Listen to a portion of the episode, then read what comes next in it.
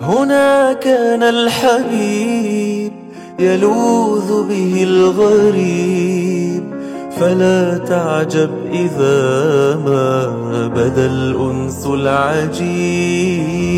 هنا جود وطيب ونور لا يغيب.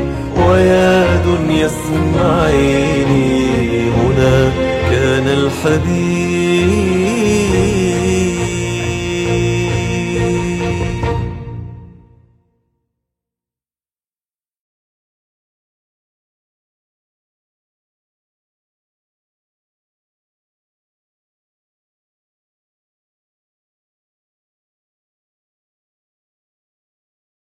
وادي الروحاء. مكان كان ينزل فيه النبي عليه الصلاة والسلام وهو واد كان عليه الصلاة والسلام يمر به إذا ذهب حاجا أو معتمرا أو عاد من غزواته. وفي هذا الوادي حصلت أمور كثيرة أو ستحصل بعض الأمور المهمة. فما ذلك؟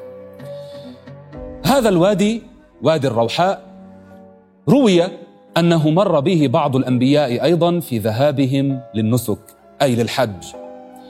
وهذا الوادي ورد في فضله أن بركة بنت ثعلبة وهي أم أيمن الحبشية حاضنة النبي عليه الصلاة والسلام والتي ربته واهتمت به واعتنت به وكان يحبها محبة عظيمة وكان يهتم لأمرها وكان يزورها.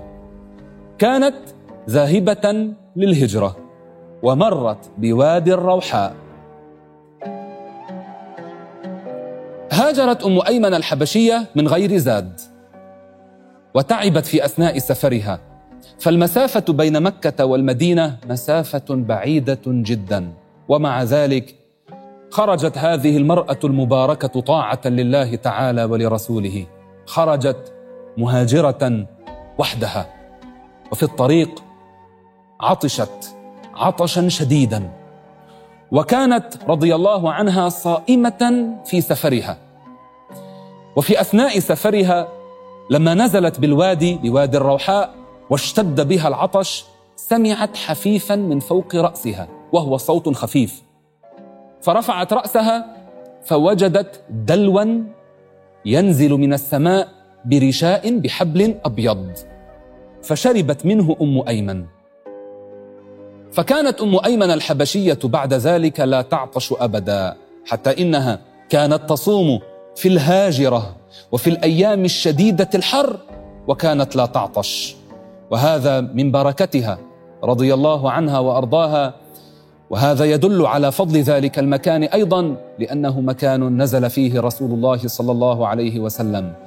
وفي ذلك الوادي مكان يقال له شرف الروحاء وهو مكان بني فيه مسجد صلى في ذلك المكان رسول الله صلى الله عليه وسلم وكان يتتبعه بعض الصحابة بل وكان يسأل عن البقعة التي صلى فيها رسول الله صلى الله عليه وسلم في ناحية ذلك المسجد. ومن لطيف ما يذكر أن نبينا عليه الصلاة والسلام أخبر أن عيسى ابن مريم لابد وأنه نازل. فعيسى ابن مريم هو النبي المبارك الذي يسكن السماء الثانية. لم يمت ولم يقتل ولم يصلب. وما صلبوه وما قتلوه ولكن شبه لهم. فنبي الله عيسى عليه السلام رفع إلى السماء الثانية. ونزوله يكون من علامات الساعة الكبرى. وأخبر النبي عليه الصلاة والسلام عن صفة نبي الله عيسى وعن بعض الحوادث التي ستحدث معه. وأخبر النبي عليه الصلاة والسلام أن عيسى ابن مريم سيأتي إلى قبر الرسول عليه الصلاة والسلام بعد أن يحج أو يعتمر. ليهبطن عيسى ابن مريم حكما مقسطا سيحكم بالعدل. ولا ياتين فجا حاجا أو معتمرا. ولا ياتين قبري ولا يسلمن علي ولا اردن عليه.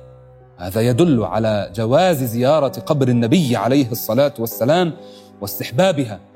فإن نبي الله عيسى نفسه سيزور قبر الرسول عليه الصلاة والسلام وسيسلم على نبينا وسيرد عليه رسول الله السلام. فهذا يدل على أن زيارة الرسول عليه الصلاة والسلام زيارة مباركة.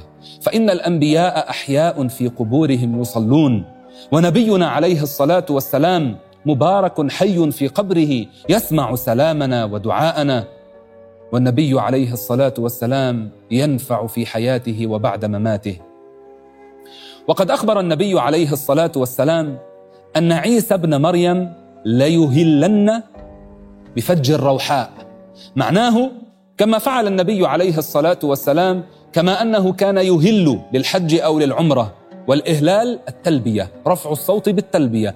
يهل رسول الله صلى الله عليه وسلم من فج الروحاء من ذلك الوادي وكذلك يفعل عيسى بن مريم عليه السلام عند نزوله وذهابه للحج أو للعمرة.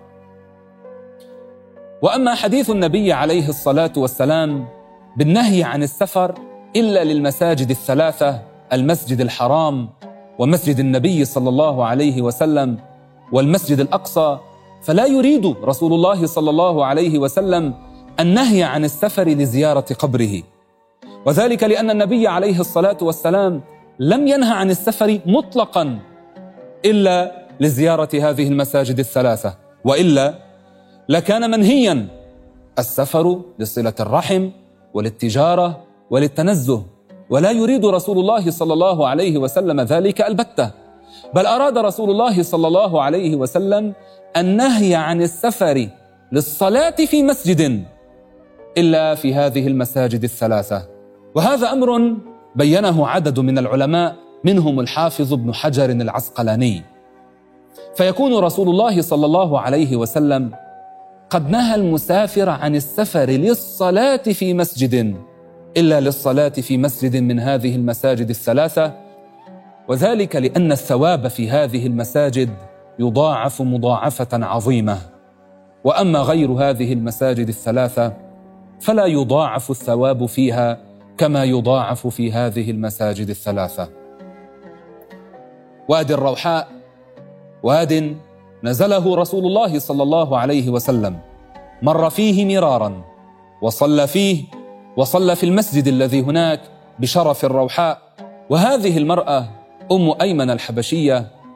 حث الرسول صلى الله عليه وسلم بعض الصحابة على التزوج منها. فزوجها زيد بن حارثة وولدت له أسامة بن زيد وهو الذي كان يلقب بالحب بن الحب. فهو حب رسول الله وأبوه حب رسول الله. فلذلك لقب بالحب ابن الحب. نسأل الله تبارك وتعالى أن يرزقنا شرف زيارة هذه البقاع المباركة وأن نتبرك بآثار نبينا محمد عليه الصلاة والسلام وأن نتبرك بالمواضع التي حل فيها وحلت معه البركة. إنه على ما نسأله قدير. في وادي الروحاء حل رسول الله هناك كان الحبيب.